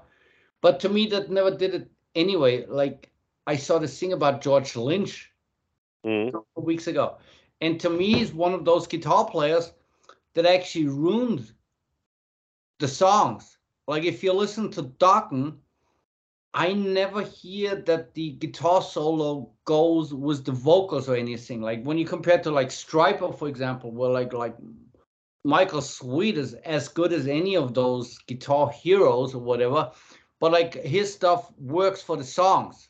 Like mm-hmm. the main mm-hmm. priority is like to play a guitar solo that works for the song instead of like a guitar solo that works for my ego. Like, oh, I played like 4,000 notes in in four bars or something like that and because like most people don't even understand that i mean like like how many girls do you know that come home after work and like oh now i gotta listen to Yngwie malmsteen no it's too boring i mean like malmsteen for me is like i think his like rock music is absolutely terrible like when he has singers and stuff but i'm a huge fan of, of his like um symphony stuff when he mm. played with the um, some Japanese orchestra and stuff. I think that's absolute brilliant. But like when he plays rock music, uh, it's just it's too much. It, it's just like you know, like all this noodling and like that ninety five percent of people don't understand. Mm. So, what's your uh, favorite uh, concert you ever been to, and what's the favorite concert you ever played yourself? um, God, that's a good question. I mean, like favorite concert I've been to, that was definitely like yeah. Um, my first show, like like Kiss 1980 on the Unmasked tour. Yeah. But then also like a couple of the stri- Stryper shows and like because to this day they, they still sound absolute incredible. I mean, like it's not like when you have Motley Crue and you watch them today and it's just painful with all the backing tapes and like because I saw them a couple of months ago and you hear like four different guitars, but only one person on stage has a guitar. Yeah. And, and like you hear like like 20 people singing and but nobody except for Vince is in front of a microphone. Yeah. You know, That's so like, that they're just like, yeah, I mean, they, they lived were... a hard life. Uh, Stryper is a Christian rock band. They probably didn't live such a hard life. so. Well, there was an what? interview with Tommy Lee like a few weeks ago where he talked about that like until like a year ago, for most of the time he was drinking like two gallons of vodka a day. Mm. I mean, think about that two gallons of vodka. That, that that's like close to eight liters. Yeah. I mean, I have no idea how anyone would be able to do that. Well, I know one person that probably would be, but then. so, uh, any favorite shows you played? Um, well, definitely like this year, um, Belfast was incredible because like um just to play Belfast, like, you know, after writing the book and the, the law and history. And also the crazy part was that we played there on the anniversary of John's passing. Ah, true, yeah. Yeah, that that was absolutely incredible. And then I, I made special guitar picks for that show that had like a DeLorean on one side. Yeah, I got one from you. ah. it's upstairs. So that was definitely like a highlight and then the next day we went for like a few minutes to the factory took a band picture. Yeah. So that that was super cool. Mm, cool. So uh, i guess you're into movies as well. Yeah. Since uh, cars and everything but is it the 80s movies 80s pop culture thing or is it 70s everything mixed between pretty much everything. Like, like one of my all-time favorite movie or movies are the original Planet of the Apes movie. Oh. And then what else do I like? Uh, well, one of my all-time favorite movies also is a movie called Copland. Yeah, with Sylvester Stallone. Yeah, and the guy from um, Terminator. And to be honest, I never understood like why that movie was not popular. I mean, Robert De Niro is in it. The, the story of the movie is absolute incredible. And it's really like one of those uh, Ray Liotta was in that movie. It's like one yeah. of absolute perfect movies. Like there's you can't find anything wrong about that movie, but still it didn't do business. Which to me is like yeah. I have no idea how this did happen. Uh, I remember that it wasn't well received, but uh, yeah. I can not remember the movie exactly either because I, I only watched it once, and it was when it first arrived on uh, VHS or uh, yeah. whatever. Uh, I remember Sylvester Stallone played like sort of a slow guy, a slow uh, sheriff or something, or yeah, yeah. That's basically all I remember. He got deaf on his one of his ears or something from a. Yeah, but but like there's so much to that movie where it's just like oh my god, like in I don't even know how many times I've seen that movie and it still doesn't get boring. Is that from '97 or something? Yeah, it's like some at some time in the 90s. I don't remember the exact year, but like it's a yeah, like the second half of the 90s. I think yeah. actually, yeah, you, you I think you're right, like 96, 97, some point like that. Mm-hmm. So, uh, do you like horror movies from the, or is? I, I like the. I'm a huge fan of the old Hammer horror movies from the 60s. The oh. one like you know um, Christopher Lee and Peter Cushing.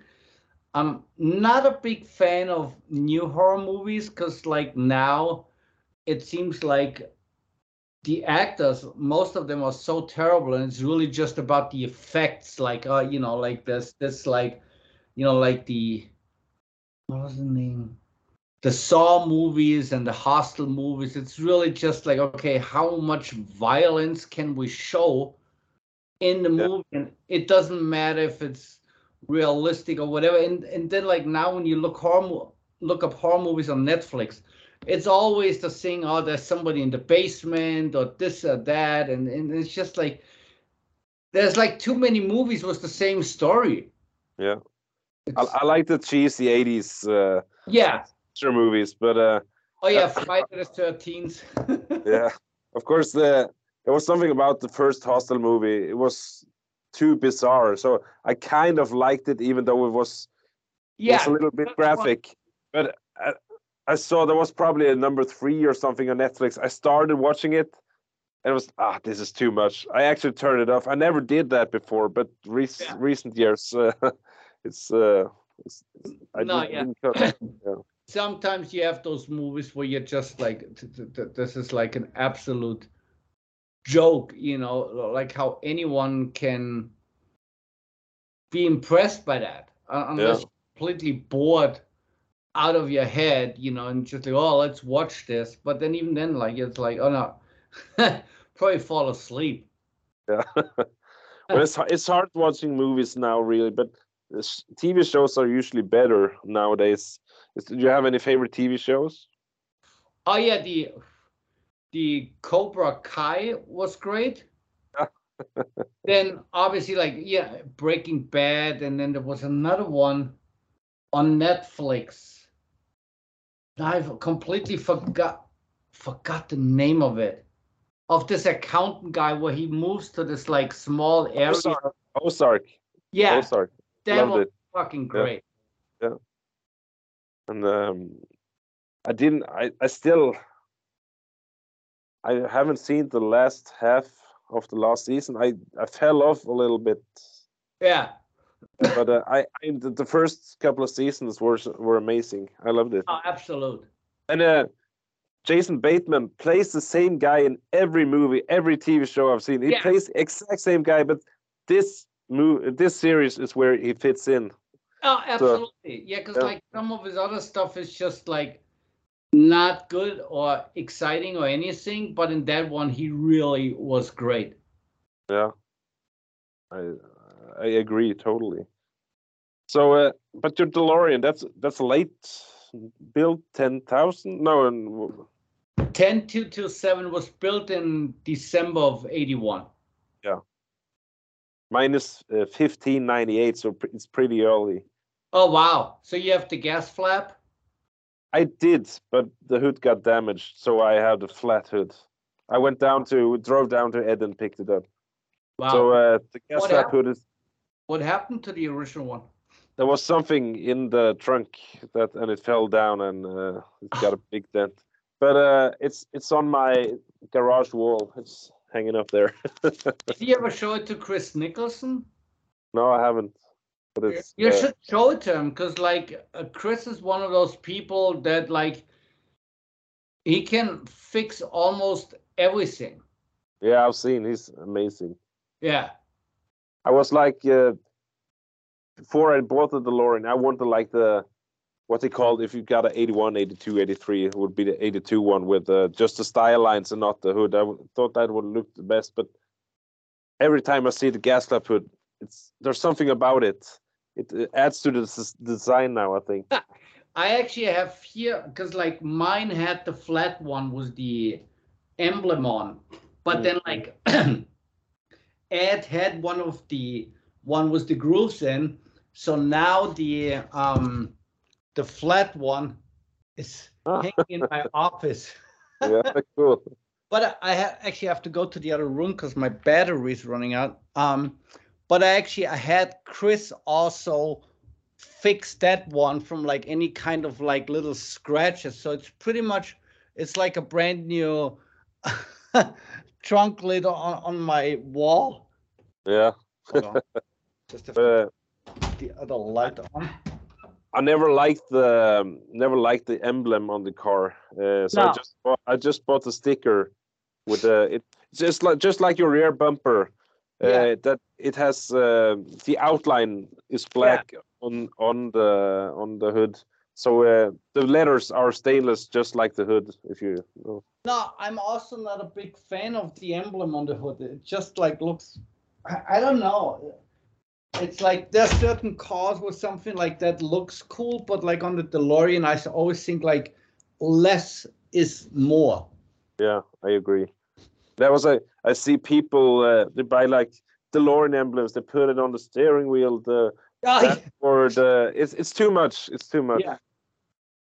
So uh, i i've seen this DMC logo they put on the the center cap of the steering wheel, and as first time I saw it, ah, this looks pretty okay, but Yeah. as I under- saw later, it should have been further up, and not in the center. It it, do, it doesn't align with the steering wheel somehow. So, but Ah, it- but I, I want the car car as it was really. Yeah. So I mean, like I have the in in the windshield, like I have that DeLorean decal, but only because of um, if you don't have it on, um, the original windows they don't have that tint on top, so you always from the outside you see where the headliner is on the Yeah. inside, and that always bothered me. So I was like, okay, the best solution is just to put that um, decal on, and then you don't see it anymore.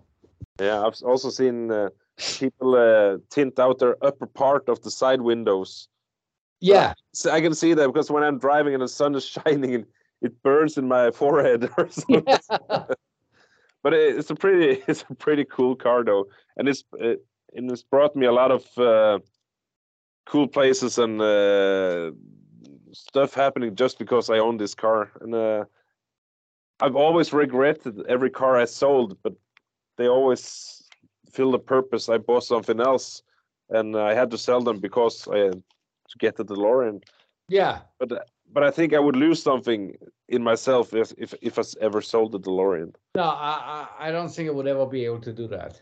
No, even uh, it's uh, the prices are going up and everything, but doesn't matter. uh, No, still want it. yeah, and it's just it's just money, and then like always so like you know when you die, you can't take it with you, but at least like while you were alive, you had so much fun like going on road trips and doing this and that, you know. So and the money, like, what are you gonna do with it? Like buy another car that wouldn't be a DeLorean, so it's almost like pointless. And and also I had this car in bits and pieces. I know it's okay. Yeah, Of course, some of the stuff are new, but new old stock, so it's not really new. But uh, anyways, I know it's slightly reliable. Re- reliable. So Well, actually, you know, when uh, talking about logos, that was the only thing I did to my one was like the painted real logo. because Mhm. that was like the original design for the rear bumper. Yeah. They just because like you know the, that they I don't know maybe like like they didn't want to have like a paint section in the factory or whatever. That's why they dropped the idea. But like all the um the early promo stuff Yeah. shows even there's this uh, um deluxe version of the sales brochure that has like this leather cover and when you have that one when you look inside and you look at the rear of the car it has that logo on it Yeah, But It's- it's, yours is your yours is painted on, right? yeah well airbrushed Airbrush, yeah. Because uh, factory they did it by hand yeah, okay. it, it looks it looks hard with the outline. So does does the paint go all the way to the recessed area or uh, just uh, the top? Because it's like it, it bends a little bit, you know. Well no it's exactly like where the the, the plastic where it's shaped yeah. it ends there I um my car had the stainless letters, uh, and I always liked them before. yeah I, I never liked them with the old blacked out.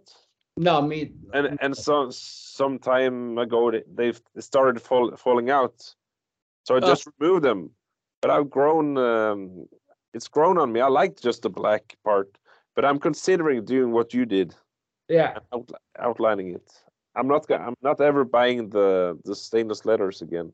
No, I, I had them in my car when I got the car, but I was like, no, that, that that's just like, um, and plus, like I saw the original design like so many times, you know, and I was like, no, that's how it's supposed to look like. Yeah. So, Yeah. what's uh, what's your favorite photo, promo photo, or every, uh, of the DeLorean you've ever seen? Um, I would say like the one was in front of the um the boat, like the one that I used on the guitar pick, and, and the one Ah, from yeah. the factory, like where you see all the DeLoreans parked outside. Yeah. My favorite is the. Well, it's not a promo photo, but the Goodyear ad where John DeLorean is sitting on the hood with the barn and everything in the back. No, that's also super cool. Yeah. And I and I love the high stands and everything in the front. It, it suits Yeah. the car so well in that picture, and it, uh, the front wheel tilted a little bit. You see all the see the rim and everything. Yeah. That all photos are so awesome. No, just- that's a great one. and uh, and I kind of of course of course I lowered my car in front like Yeah. almost people do, but yeah, there's something about the higher stance that I, I kind of like. no, that, that I, I don't know, like like it, it just lo- it's kind of like on the the Trans Am's like the, the fourth generation, the original height, that that there's this massive gap in there, yeah, which is funny because that's obviously like almost like 15 years later, and so it's like oh, you know, they talk about DeLorean and like GM wasn't able to pull that off like like 15 years later. That they still had this ridiculous height on there. I'm ne- I'm never uh, I'm never putting on the original springs, but uh, there's something about just seeing the car moving, flying through the air with everything. But uh, um, of course, it's it's much better to drive when it's lowered and everything. So Yeah. yeah, and um, so your favorite Batmobile is the '66 model. I was always always a fan of the '89 model, but I, I, I of course I do like the '66 as Yeah. well. Have you? Did you ever go to Warner Brothers and see the Bat Batmobile? ex- No, I gotta do that next time when I'm in the States. Yeah, that's pretty cool. Yeah. but uh, it's, it's basically just the '89 and the '66. That's something to look at. The other Yeah. one is too too far out. oh, no, absolutely. And that, that last Batman movie, the one that came out like- like two or three years ago, that, that was like everything about that movie was just terrible. Yeah, It was Uh, way too long. The story was boring, and then like the Batman, he looked like yeah, like he was the singer of My Chemical Romance. You know, like it just like like whatever you could do wrong in a movie, that's what they did. It's the same as like that last Wonder Woman movie the Wonder Woman 84 because the first one was great and so I was actually excited about the second one and then it was like it was so terrible. It was silly, really silly. Uh, it was so pointless and like hold on, I'll be right back. Give me one second. I'm back. Do you have any other hobbies other than music and DeLorean? Not that much, you know, because No. music. Playing music and, and being a, a music fan and like the cause, like there's not that much time left to do anything else, you know, because there's always something happening with one or the other. So it's like, Yeah, I understand. Do you have any future plans regarding music and Well, yeah, like next year, you know, I'm working now on the tour, the next tour with Cherie and also like some Shameless shows and then um and then do another Shameless record and, and then just see what happens afterwards. yeah, Because I always feel like if you plan too far ahead, then like something will happen anyway, you know, where you have to take care of something else or this and that. And then it's just like, no, I just always plan like the next like two years and then see afterwards, oh, what's going on now? Because like, yeah, it's just like, and, also I think you, you get way less spontaneous if you plan too far ahead mm, you know because like sometimes yeah it's just like because then you have an idea and then but like oh no i'm too busy to take care of this and that and whatever else so that's why i try not to plan too far ahead yeah. I plan a lot too far ahead, especially to travel on traveling to the United States and everything. Because I'm I'm in a spot where my kids are really young, at two and four years old. oh yeah So uh, traveling now is not optimal. Yeah Uh, I'm, pl- I'm planning on going into 2026. They're a little bit older. They were supposed to go as well, but uh, but we found out that uh, my wife wanted to stay home with the kids because she didn't Yeah. like taking them up in the plane and everything. So I, I think I think I'm gonna go. They're older. Let's see. I'll see what I'm gonna do. But we're going on Route 66. I've been a couple of times before, Yeah. but not not the complete route. Just uh, just a few pieces, and a lot of her family is going as well. So it's gonna be pretty fun. And I have uh, I have withdrawal from traveling the last time. I miss uh, pancakes at Denny's and everything. So it's Yeah, an easy easy country to travel in. no absolutely Yeah. So how many times have you? Yeah, of course you have done music and everything, but it's usually L.A. And New York. Yeah la new york and then like i I was in chicago for the delorean weekend like like two or three months ago and then yeah but most of the time it's always like new york or la Yeah, I was. That was at Mike's place, right? yeah In, uh, yeah. I went. Uh, I met him uh, back in 2007 oh uh, when uh, it was probably not the same spot. Uh, Crystal Lake. It's probably the same same area, I guess. Yeah. Yeah. And um, it was Dave Swingle running the show back then. oh yeah yeah no and then mike took over a couple of years ago Yeah. he was working there when I was there, and uh, I bought the complete new main harness for the DeLorean and a few parts. Yeah, so every every trip I went to, I've been five times. It's not so much, but uh, Yeah. I always went to a DeLorean vendor buying some parts for the car.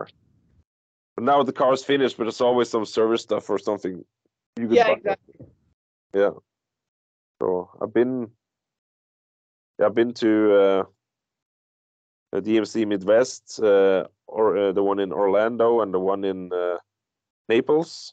yeah Yeah, used to be the DMC Florida, yeah and uh, of course Houston two times. No, I I ordered from them and they sent parts to the motel I was staying at because uh, we, we were in Houston on a Sunday, so it wasn't open.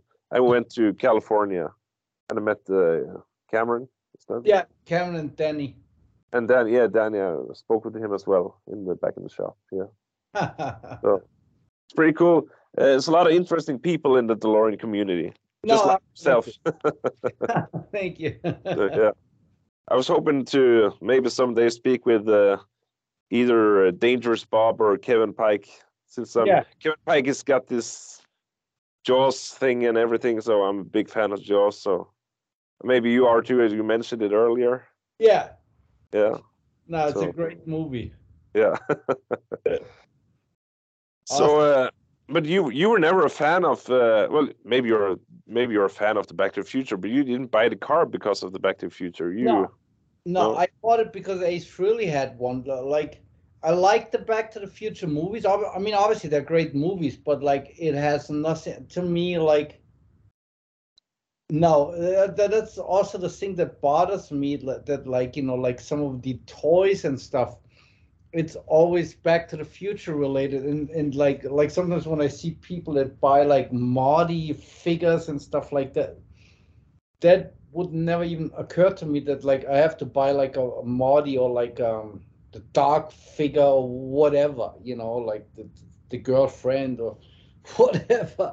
That but was do you have it? Do you have any Back to the Future memorabilia like? Uh, well, I have a few like uh, DeLoreans, but um other than that, not, not really. yeah, but do you like the movie though? Yeah, no, I, I like the movie, but it's just like um I always feel like it takes way too much away from the actual car. Yeah, I see. I see. So that's like the thing. And plus, I don't like the way it looks as a time machine Mhm. because the DeLorean is so sleek and um, with the time machine stuff on it, it it's, it's just like no, it, it doesn't look good. I, I never wanted a time machine. I love the DeLorean for what it is. Exactly. But, uh, I can't. Uh, I can't say that. Uh, of course, I have to say that probably Back to the Future was the reason I bought it because that's what where I first saw it. but there was also um, we had this uh, TV shop kind of thing going every night, and I was when I was young. They had this like this. They were selling albums from the a collection album from the 60s, like 60s music, and there was like the 70s music and the 80s music. And this went repeat all night, and I fell asleep with the TV on. And when I woke up, it was it was like this 80s one was going, and there was always DeLorean driving past the screen. Yeah. They had uh, all these 80s uh, 80s stuff going on in uh, the commercial.